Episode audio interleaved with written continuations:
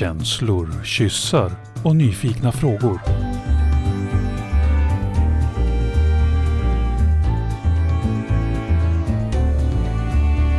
Pollyprat med Minna och Karin. Hallå! Hej och välkomna till säsongsavslutningen på Pollyprat. Hörni, vilken säsong är vi inne på? Är det fyra? Ja, Det är Säsong nummer fjärde fyra. säsongen. Shit pommes frites. Det är jättelångt. Wow, det är jättecoolt ju. Hörni, hur mår ni? Men jag mår bra. Jag känner mig lite fnissig. Åh, vad härligt! Gud vad mysigt! Mm. Och hur mår Karin? Är du också fnissig? Mm. Jag har precis haft, jag har haft det precis så som jag förtjänar. En hel helg. Du då Kattis? Jo, nej, men jag mår eh, oförskämt bra tycker jag. Med tanke på att jag har en bebis som är 11 veckor idag. Elva veckor, det är ju ingenting. Nej, jag vet, Men han är jätteliten. Ja, superputtig. Mushi, mushi, mushi. Okej, så vi tar de stora svåra frågorna först. Så här. Sover du någonting? Hinner Alltså- du äta? Eh, Hinner du ens tänka på Polly eller mer så här bebisbajs? Ja, det är ganska mycket bebisbajs. Eh, Lite får jag skylla mig själv eftersom vi är tygblöjor. Och då är det väldigt mycket blöjor som ska tvättas och packas och ha sig. Men, eh, nej, men jag, tycker, jag hinner absolut sova. Jag är ju världens bästa sambo.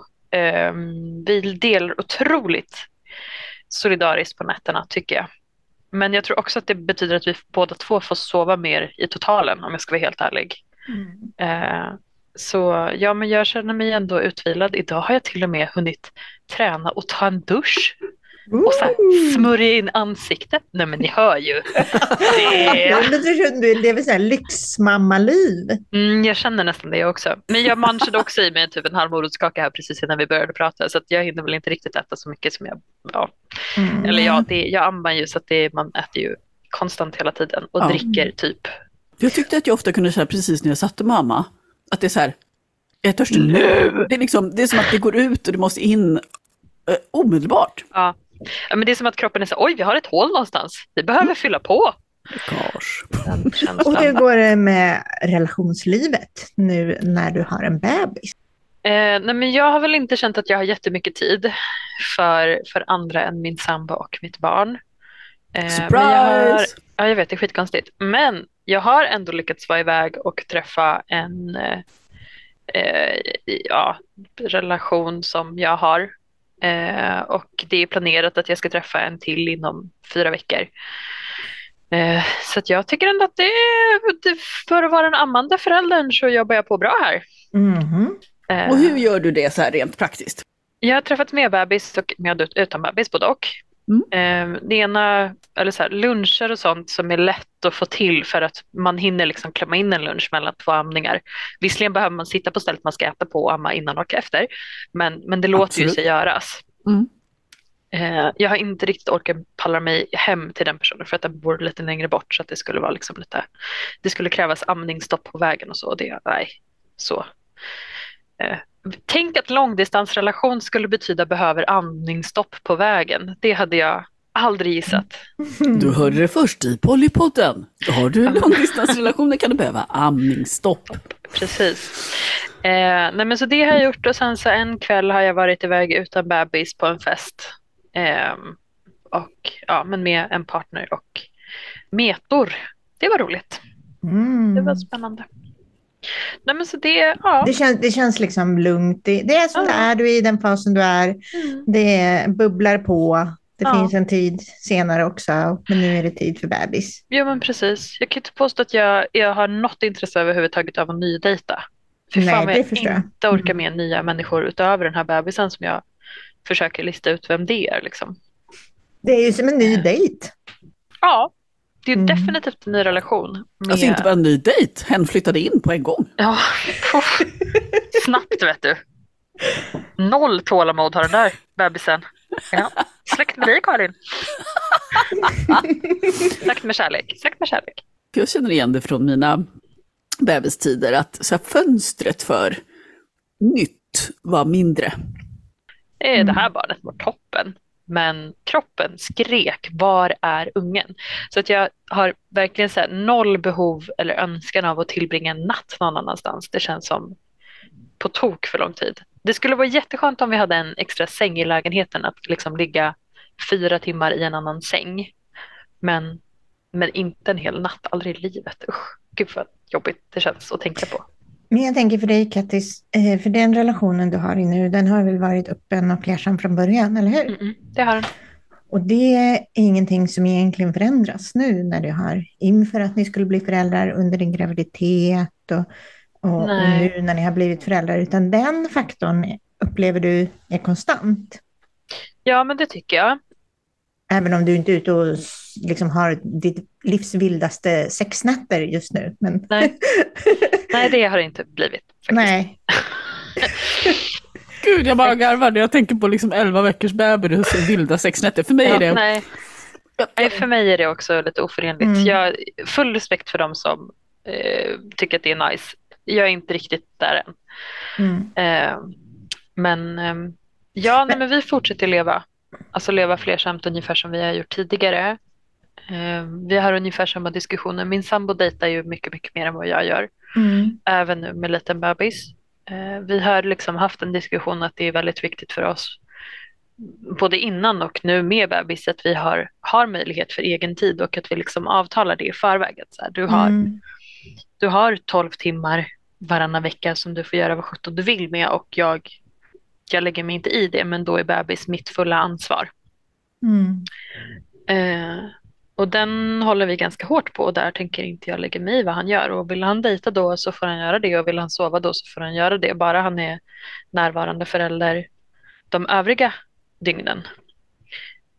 Och sen så har vi, ja men, vi har jobbat lite för att vi ska kunna få utrymme för oss själva. Så, Liksom. det, så det är liksom en, en förhandling ni har haft alltså, så här, Mm. och kommit fram till det här fungerar nu när vi är småbarns, bebisföräldrar. Ja, det är ju fortfarande pröv, prövoperiod. Ja. Så här, 11 veckor, det är men Ja, han har ändå, jag tror att han har hunnit med. Ja, men precis. Mm. Eh, han har ändå hunnit med om det är tre dejter tror jag. Mm. Han har en dejt på onsdag. Mm. Eh, eller om det är den tredje, skitsamma. Summan och kardemumman är att han ändå har hunnit vara iväg och liksom göra Mm. grejer och, och träffa folk. Eh, och hittills så har det funkat.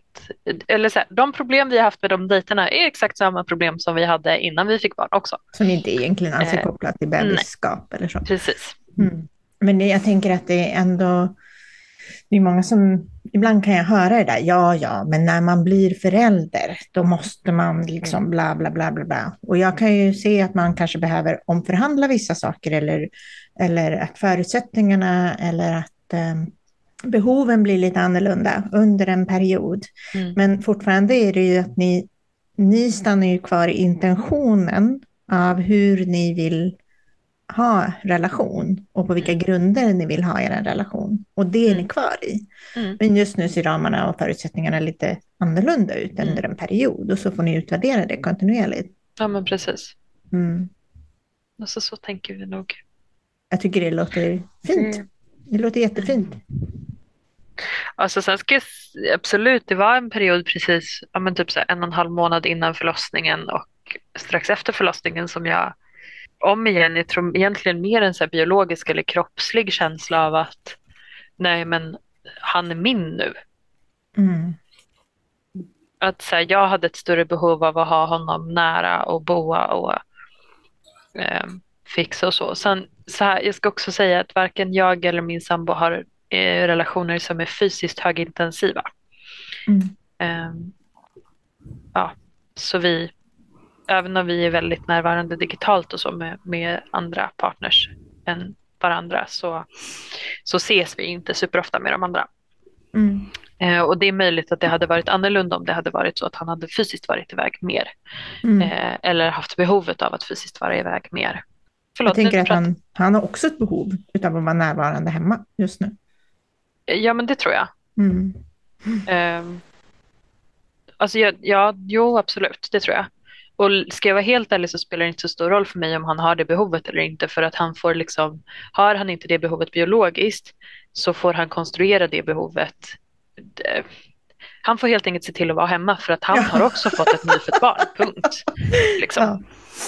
Det, Sjukt rimligt. jag- Ja, jag tycker att jag är ganska rimlig oftast. Just den här frågan tycker jag att det är mild. Jag är milt partisk. Ja, men, men jag tycker det är, det är en så livsförändrande sak. Ja, precis.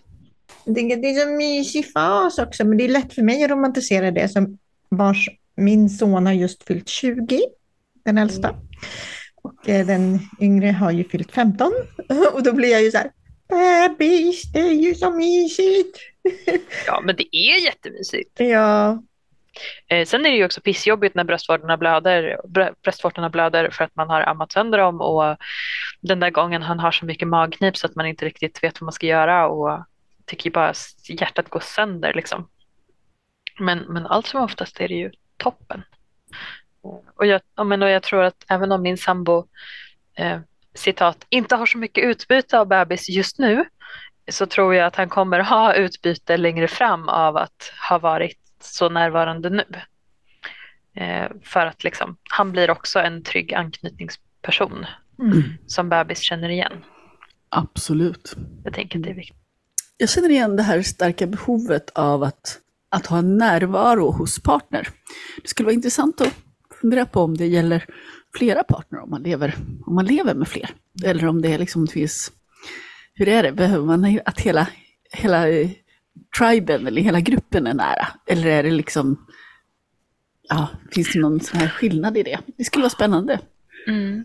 Alltså jag, jag tror inte att jag är rätt person att fråga om det. Eh, för att mina, de relationer jag har, eh, de sexuella relationer som jag har utöver min sambo inte är så nära utan det har ändå varit hyfsat lågintensivt. Mm. Eh, men däremot så känner jag ett jättestort behov av att mina vänner ska vara närvarande. Mm. Eh, och jag liksom har lastat iväg mig och bebis från första veckan egentligen efter att vi kom hem från BB och träffa folk och liksom jag vill att mina vänner ska närvara, vara närvarande. Jag vill att Knodda ska känna sina kusiner och sina fastrar och mostrar och farbröder och alltihopa liksom. Mm. Och sin morbror också. Ehm, så att jag, ja, och, men det hade varit jätteroligt ehm, eller så spännande att prata med någon som har sina inte baby, baby daddy eller baby mommy relationer eh, och höra hur de resonerar. Jag lite så här, min, min partner ska iväg imorgon eh, med bebis till en person som jag vet att den har en sexuell relation med. Och jag inser att det är lite så här, vill jag att bebis ska träffa den här personen och lära känna den innan jag har gjort det? Mm. Eh, det är en aspekt som jag inte riktigt hade Mm, tänkt. Liksom. Det har ju vi haft här, inte i bebis då, men i, i större barnsålder. att Mm. Mina barn har ju träffat partners till min man som jag inte träffat. Ja, men om jag är borta, men då tar han hem någon hit och så hänger de med mina barn. Ibland är det människor som stannar, ibland är det inte det. Ja. Mm. Men hur har det varit? Hur känns det? liksom, hur?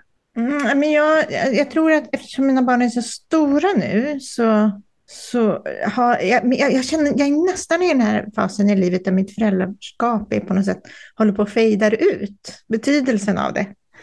Eh, och då har jag inte, det har inte spelat så stor roll. Jag har helt enkelt lagt min tillit till eh, mina, liksom, min, mina, min partners omdöme kring de här människorna. För det är såklart att jag inte vill ha ohälsosamma personer i mina barns liv, men samtidigt, mina barn är stora. De, det handlar inte om att det ska vara någon ny styvmamma eller ens eh, någon alls som närvarande roll, för mina barn är på väg hemifrån snart. Det är ju inte en sån nära relation som ska utvecklas, utan det handlar ju om att, att liksom bara kunna vara någonstans och hänga och sådär. Så att det är inte, det kanske är någon gång för länge sedan som jag har varit så här, jaha, jaha, träffades de?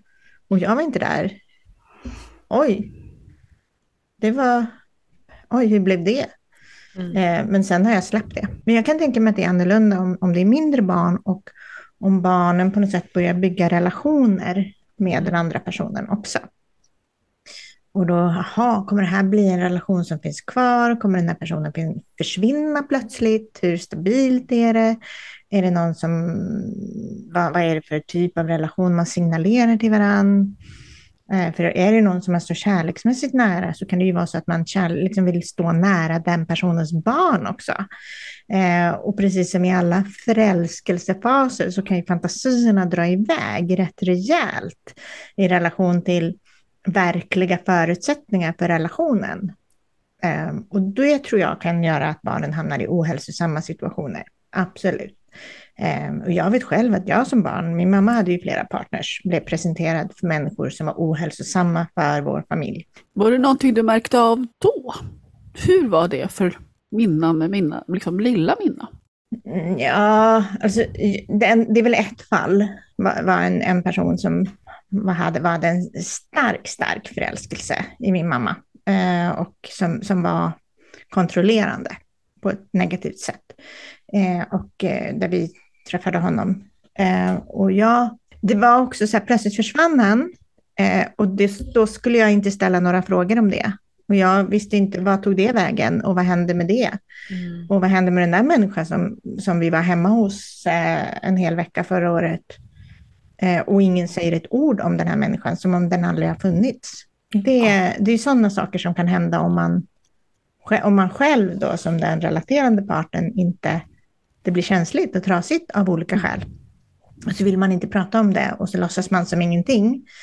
Eh, och då blir det ju ett ohälsosamt relaterande för barnen, tänker jag. Mm. Eh. Den där tydligheten och att få, få svar så långt det går på de frågor man har. Mm. Liksom. Ja, och det kan jag ju, det kan man ju aldrig, man vet ju aldrig med människor som är nya, vad de har för stabilitet. Eh, som man, människor man inte känner. Det spelar ingen roll hur förälskad man är Man vi har ingen aning om våran dynamiks kapacitet mm. att hantera eh, ett, att komma in i ett barns liv och försvinna ur ett barns liv. Eh, jag kan ju riskera mer för min egen skull såklart. Mm. Det är ingen fara. Men, men för mitt barns skull, ja, lite, lite försiktighet kan jag ändå tycka att man kan ha eh, i det, så länge man inte liksom riktigt vet kapacitet och sådär.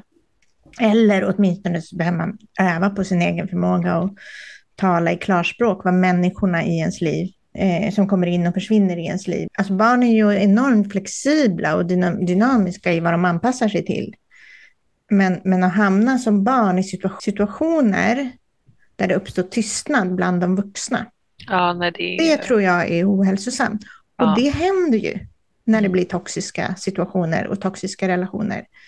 Så uppstår ju det för att man blir tyst för att skydda någon annan eller för att skydda sig själv. Mm. Eh, det har jag ju varit med om i många relationer, liksom både själv och bland andra vuxna vänner och bland liksom mina föräldrar. Så det är ju, eh, det tror jag är, inte är helt bra för barn. Nej, men det har du nog helt rätt i. Alltså mitt, min lilla knoddas ju pytteliten. Så vi är ja, inte riktigt där än. det är ju bara, det är inget, ingenting som, mm, det handlar ju mer om att vuxna får en bild Precis. av barnet och minns, oh jag träffade dig när du var 11 veckor. Nu, utan det här är ju kanske mer när barnen blir äldre. Men mm. jag, jag kan ha en, eh, barn är flexibla, men de mm. kräver en viss eh, respekt tillbaka, eh, mm. kan jag känna. Också mm. i det här som vi ser ibland i, i polysammanhang, att man kanske lever i en familj, någon, man blir stört förälskad i någon som inte är närvarande. Det här har ju du och jag, Karin, pratat om.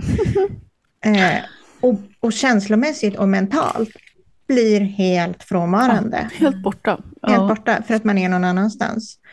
Och det är också en, en situation som jag tror att man ska vara försiktig med mm. när man har flera relationer och har barn. Mm. Att komma ihåg vad en känslomässiga närvaro ska vara eh, när man är där och närvarande.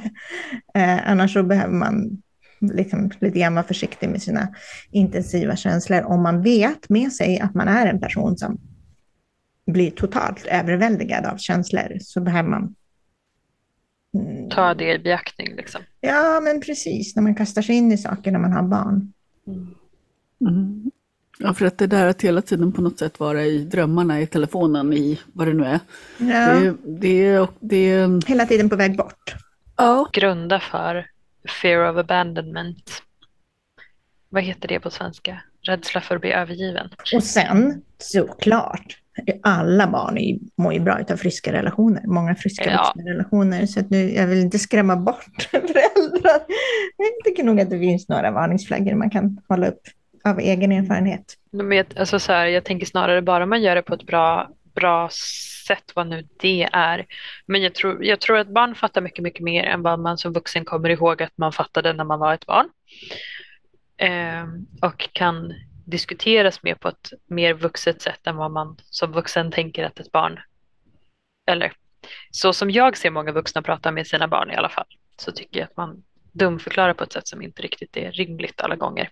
Så, det, det är också en, en balansgång i det där, att inte bli gränslös Mm. i vilken Ja. information man ger. Och också att inte lägga över, jag är så himla ledsen nu för han gjorde slut, behu, trösta mig. Ja men fundera lite på vem det är som ska trösta vem liksom. Är det din tioåring? Nej, men det är absolut inte det jag menar. Nej, men jag, jag bara tänker att alltså man har ju de här två motpolerna och så kan man hamna i den ena eller den andra. Antingen infantilisera barn på något vis, sådär, du vet det här, det där förstår inte Mm, du men och det här är ingen idé att jag pratar om, istället för att precis så, ta med ungarna i, i diskussionerna, för det här är ändå det, det här är så som familje, liksom, kärlek, relationslivet ser ut. Mm. Eh, och, och sen också respektera ett, respektera ett nej, det här vill inte barnet prata mer om. Men också faktiskt res, respektera om du får frågor. Mm. Då får du dels får du fundera själv på vad vill jag berätta. Mm. Men, men tro, alltså barnet kommer att göra sin egen berättelse om du inte berättar. Och, och, och jag tänker att det är bättre att vara varsam och ärlig och klar än, än att barnet sätter ihop sin egen berättelse. Mm. Ja, men det är det jag tror hände med mig. Min mamma träffade många män när hon var tillsammans med min pappa, med min pappas vetskap. Så det var etiskt. Hon pratade med min pappa om det och, och vi barn fanns ju. Eh, och eh, jag tror att i det så uppstod det massa informationsluckor, eh, verkligen, som jag, där, där jag satt ihop historier eller fantasier eller vad jag trodde om saker och ting och gissade, för det var inte som att de sa till oss barn att ja, vi är Polly och vi är flersamma och vi lever så här. för de orden fanns ju knappt på det, den tiden, utan det var ju mer någonting som hände. Och jag, vet, jag träffade ju flera av dem, så det var inte som att det var undercover på det sättet, men just den här, alla fantasier som, som uppstod. Eh, Jag tycker att det finns nog med fantasier fastän jag tycker att jag är superöppen Ja. i min familj. Så kommer det massor med frågor där jag tänker så här, Men var kom det där ifrån? hoho. Ja, Jag menar, det, allt ifrån ska vi få syskon nu, så här, mm, tror inte det, jag är 49, kanske helt slut, bebisfabriken vill inte ha några fler. Mina barn kan tänka, men jag ska inte ha fler barn med min man. Mm. Mm. Okej. Men den här nya då? Liksom. mm. Men bara en sån fundering, det är ju bra att de ställer det. och det är helt självklart för en själv, så det, man tar inte ens upp det.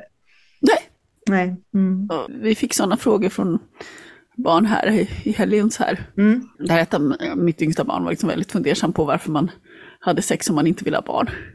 Och det är en sån där fråga som kommer från barn, eh, såklart. Eh, eh, och jag, jag tänkte att jag nog hade upplyst om det där, att, men det behövdes ett varv till. Mm. Åh. Det kan väl Oh. behövas många varv. Mm.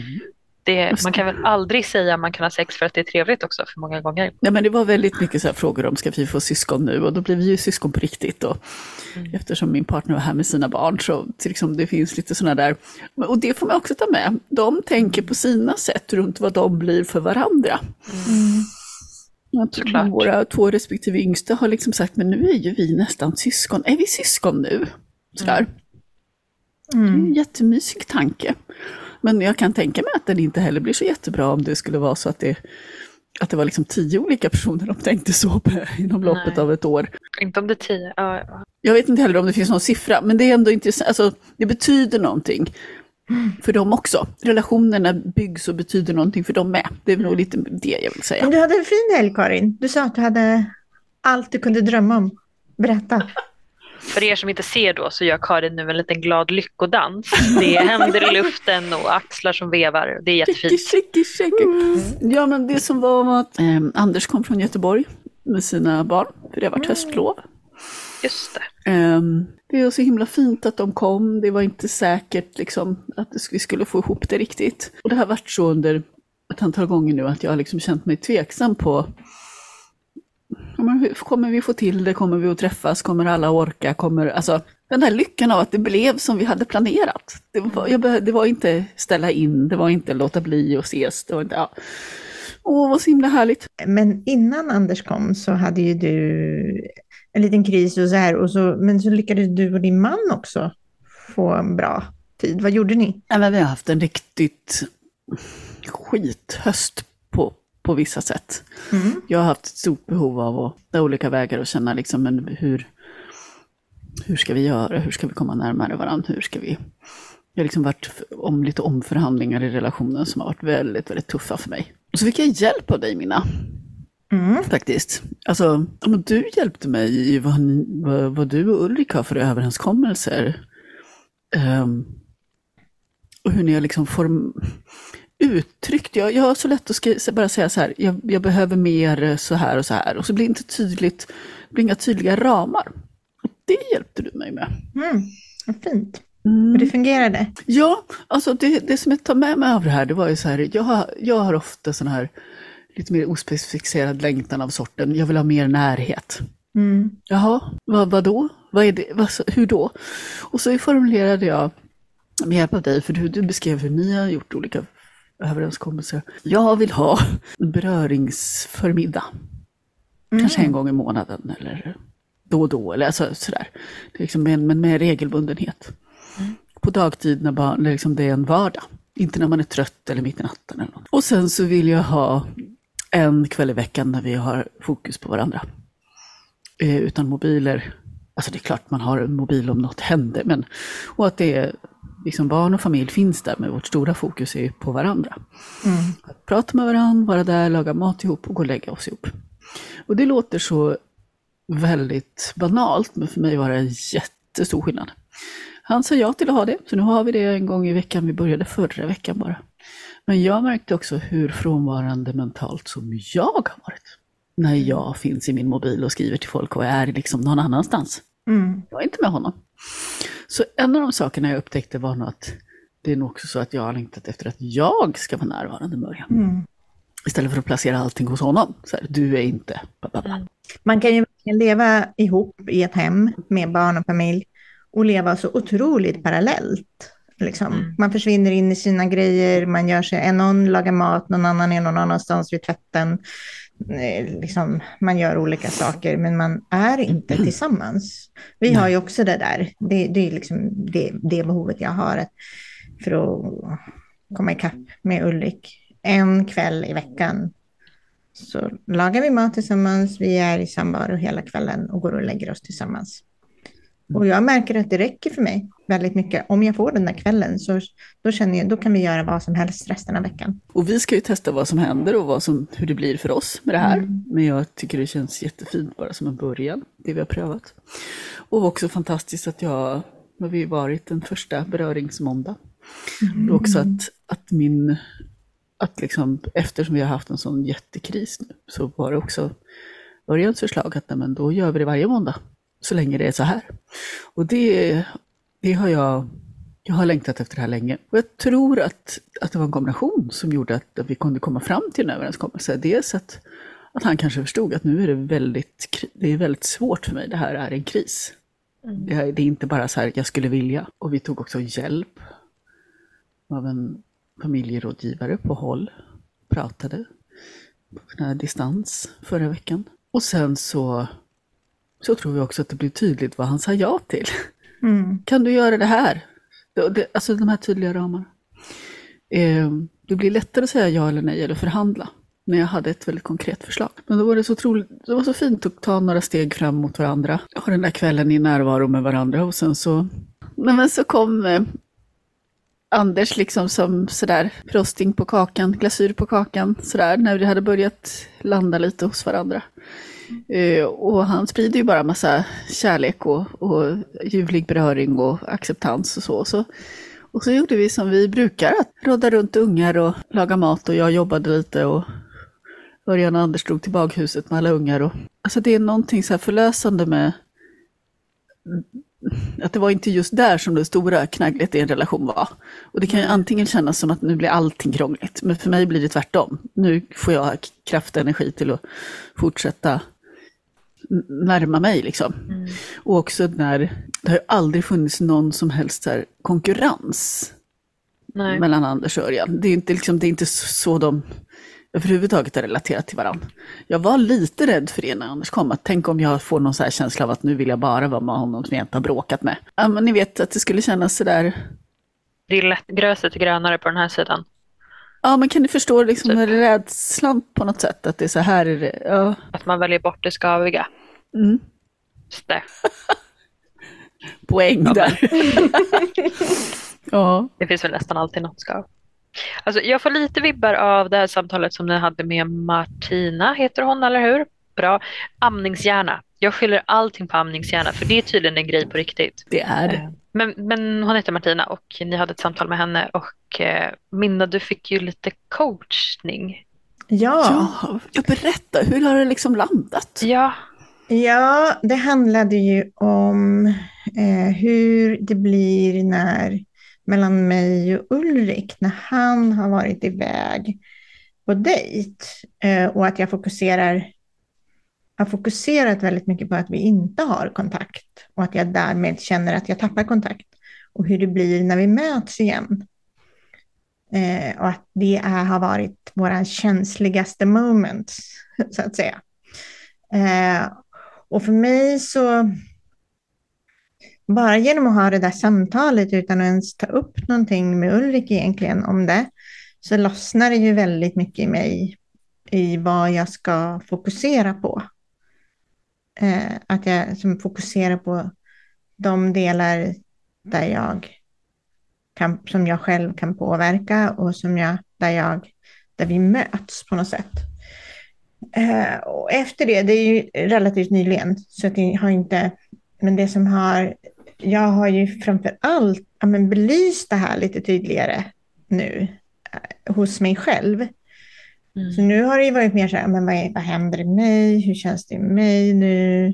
Vad, vad är det som triggas? Vad, vad går jag in i den här situationen med för mood? Vad vill jag ha jag för intention med den här stunden då vi ska träffas? Eh, och han, vi har faktiskt inte hunnit prata om det sådär som modell och han har sagt ja, men jag vet att han har lyssnat på eh, det avsnittet. Eh, och eh, jag märker att han har, eh, ja men connectar Mm. när han har varit borta. vad fint. Ja, och det, det känns bra. Ehm, och då betyder det att då kan jag ta det i min takt. Men jag tror den största förändringen var bara att prata om det och belysa det. Vad är egentligen problemet? Och, och se liksom, men problemet är ju faktiskt, jag har faktiskt inga som helst problem med att vi inte kommunicerar när han är borta. För jag blir rätt, jag tycker det- egentligen det är rätt skönt. Då kan jag vila lite grann från det. Så. Mm. Utan stress, det handlar om stress inför att vi ska träffas igen. Men hon pratade också om att söka efter de, de sakerna som du får ja. Ja, Sök efter precis. du får ja.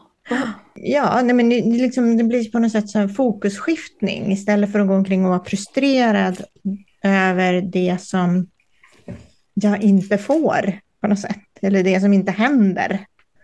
Fastän jag ber om det eller säger ja, men jag behöver det här. Och så är nejet så stort. Det handlar ju inte om ett sånt här principiellt nej, utan det handlar ju också om en oförmåga, det är svårt, det är stora trösklar, det, är liksom, det fungerar inte, det går inte in i hjärnans spår på ett sätt som jag önskar.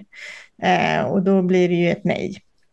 Det handlar inte om att han säger och sitter och säger nej, jag vägrar, utan det handlar om att det, det liksom funkar inte på ett sätt som passar mig. att han gör det. Och då, om jag då ser, men vad funkar? Vad, vad, vad blir det flow? Vad blir det liksom flödande? Vad, vad lossnar det lätt någonstans? Mm. Så blir det ju enklare. Det här är ju sånt som ska testas under hårda förutsättningar. Så jag får återkomma om något halvår när vi har haft någon rejäl dipp igen och kraschlandat. så just nu är, är vi på en väldigt bra plats i bemärkelsen att vi ja, men, väldigt sådär, jag vill att vi ska ha det bra. För vi har ju också haft en del saker bakom oss som har varit lite tuffa. Så då, för att tippa över det åt rätt håll, då kan liksom, Det får bli en cliffhanger till nästa säsongsavslutning. Mm, precis. Vi återkomma. Hur har reconnection varit under nästa säsong? Mm. Annars så känner jag ju att min, min temat för den här hösten har ju varit att jag har varit öppen för att ha nya relationer igen. Mm. Utan att vilja nydejta, vilket gör att jag bara har klängt på mina gamla, liksom, äh, gamla relationer. Bara eh, men jag fick ju en födelsedagsdejt av en man som jag träffade för nio år sedan. Mm. Eh, Och vi har fortsatt att träffas. Det, det var kanske lite oväntat för honom, men väldigt, jag var väldigt öppen för det. Vi utforskar det fortfarande. Det går långsamt eh, i vårt utforskande, men eh, vad vi kan dela och vad vi kan ha. Eh, men än så länge så är det en väldigt positiv trend på den relationen i eh, vilja att bygga någonting ihop. Och jag är ju som känt den lite långsammare och eftertänksammare personen i den här podden. Ja. För mig passar det. Det låter ju superhärligt. Ja, men det är lite fint. Ehm, och sen finns det en annan som jag också är väldigt försiktigt utforskande av. Vi får se också. Det är nytt. Så det kan också bli en cliffhanger till nästa säsong. kan inte säga mer om det just nu. Mm. Men Minna, är det liksom så att det, det finns liksom två personer förutom Ulrik som mer är de som liksom just nu finns, finns och rör sig? Ja, men det är väl de här två personerna som jag upplever ha, visar en vilja mot mig att Just det. eh, bygga någon form av relation med mig. Eh, här, tydligt, jag vill gärna också. Men liksom, var är du i det, Kattis? Är du, för jag tänkte, Minna, du pratar om att men när, det, när det bara blir sex, och nu säger jag det verkligen inom citationstecken, att det är någonting som just nu inte connectar in lika starkt för dig som när det blir relation också. Hur, hur ser dina relationer ut på det sättet, Kattis? Alltså i allmänhet så är jag nog mer intresserad av det relationella än rena sexuella relationer. Eh, jag tycker på något vis att så här, men jag har sexuellt så har jag eh, jag har nog uttryckt det som att jag har mitt på det torra. Nej men att så här, det jag vet, monstret är matat. Mm. Eh, Sen så är det ju alltid kul att testa nya smaker.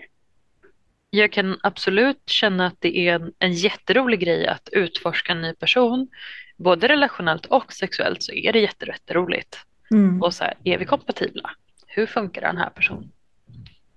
Ehm, just, eller de, så här, de relationer jag har just nu. Jag har ju en som har en mycket större tyngd på den relation, alltså relationsskapande delen och en som jag i alla fall upplever har en ganska tydlig sexuell komponent. Eh, och det ska bli väldigt spännande att träffa den personen som är mer eh, sexorienterad. Jag vet inte hur jag ska uttrycka mig, men personen Alltså som det här är blir mer så sex himla... med. Ja, en person du har mer sex... det- Tack, det Mm. blev lite tydligare än så här Mm. allmänt sexuellt orienterad. Nej men, nej, men relation, alltså så här, vi har inte, vi har inte, träff, vi har inte träffats utan att ha sex. Mm. Det är, liksom, det är jättetydligt att vi ska ha sex när vi ses. Mm.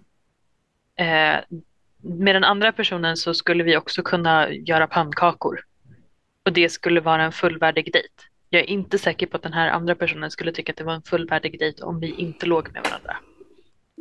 Och det är till och med så här Ehm. uttalat, det är liksom penetra- omslutande sex, penetrationssex-grejen till och med.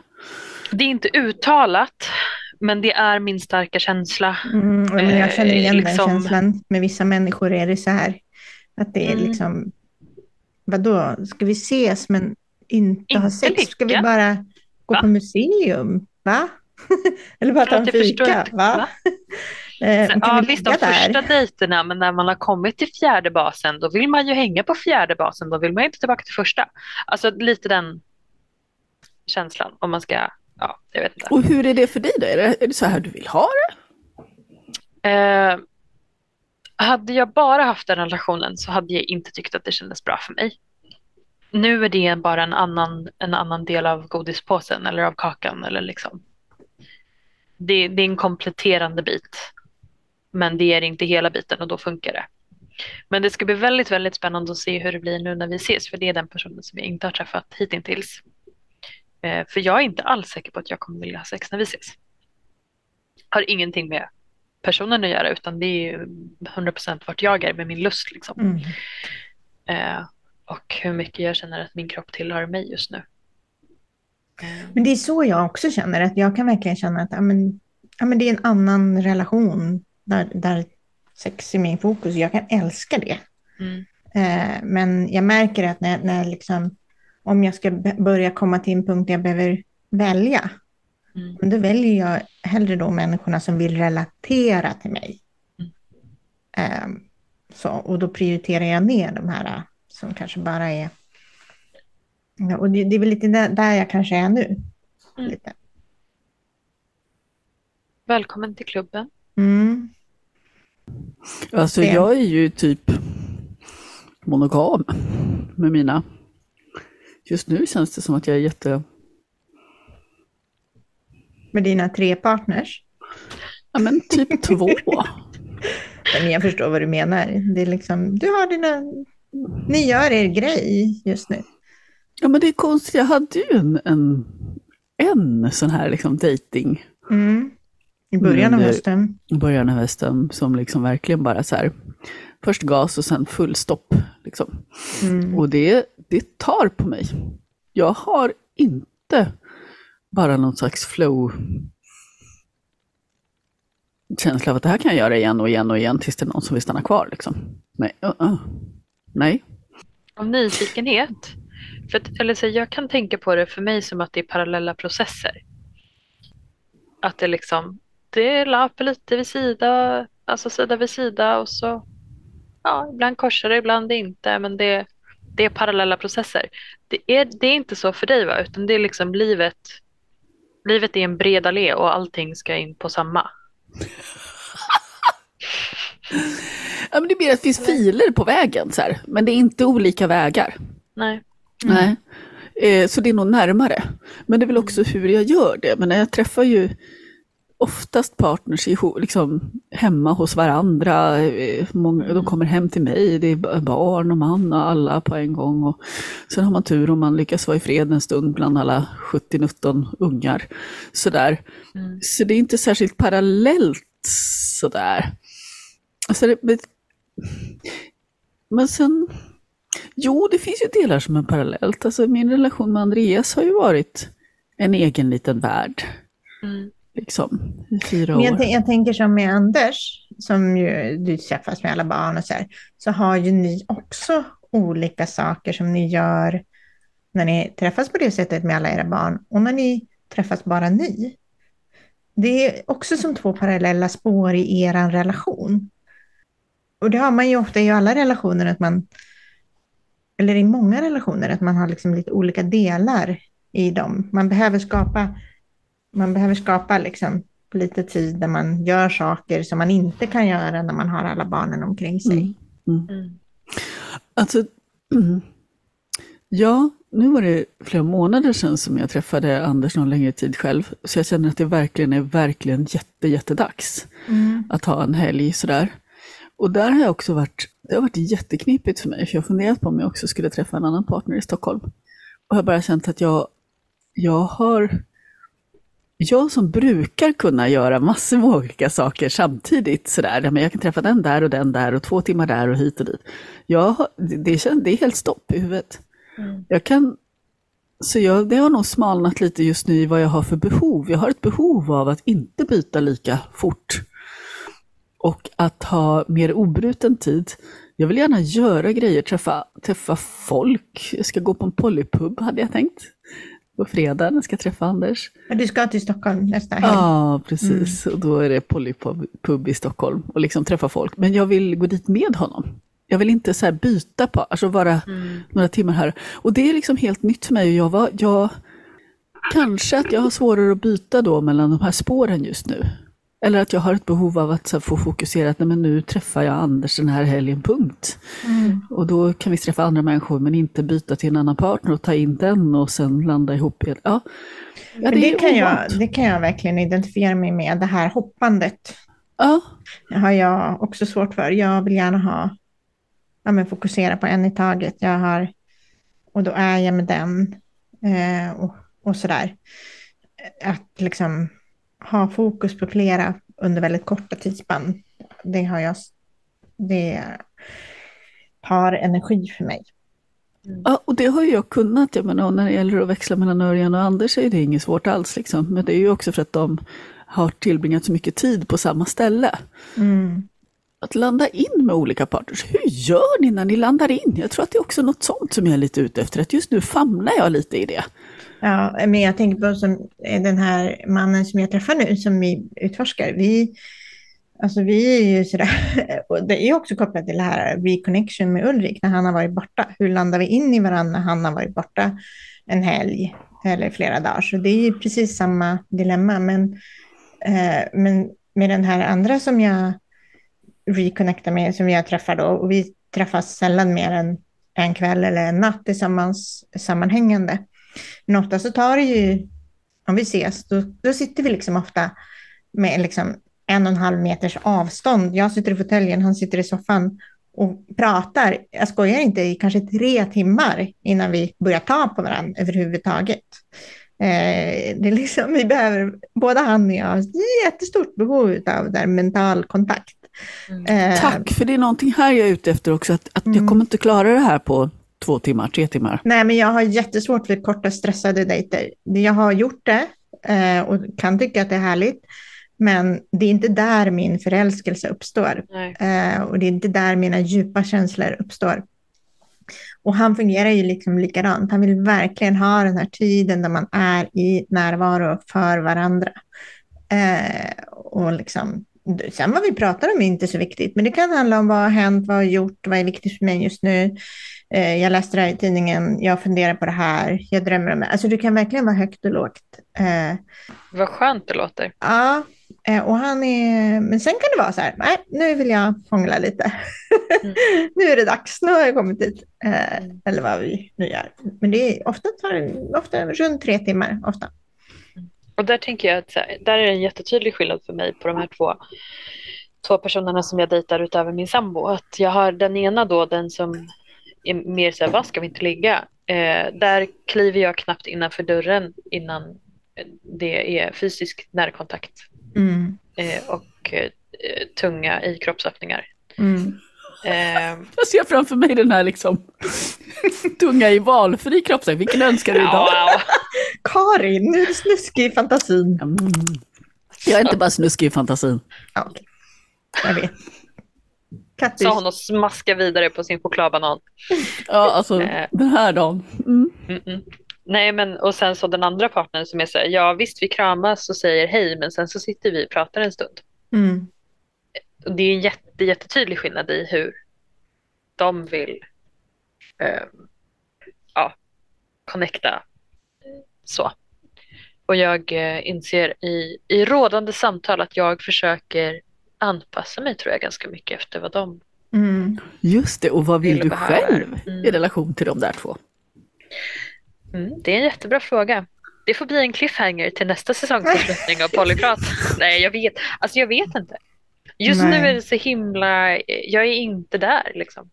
Alltså jag, nu är jag... Alltså jag, jag kan verkligen kliva in för dörren och, och ha sex efter fyra sekunder. Jag kan göra det också. Mm. Men om man vill fördjupa sina känslor mm. i mig och mellan varandra så är det inte den vägen man ska gå. Nej. Inte riktigt där det händer. Eller om det händer, ja, då vill jag gärna ha tre timmar efter att vi har sex så vi kan prata mm. med ja, ja, ja. Men liksom det här, vi har 20 minuter, hej då. Nu kör vi. Mm, nej. Men det tror jag inte heller är vad den här partnern i Stockholm vill ha alls, utan det är att connecta.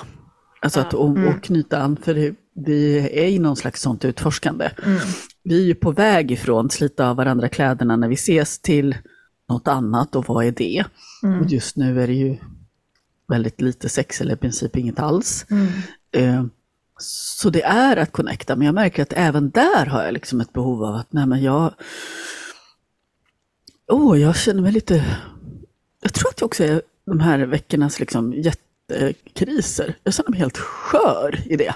Mm. Att nu måste det få landa ihop med, de, med liksom en någon i taget.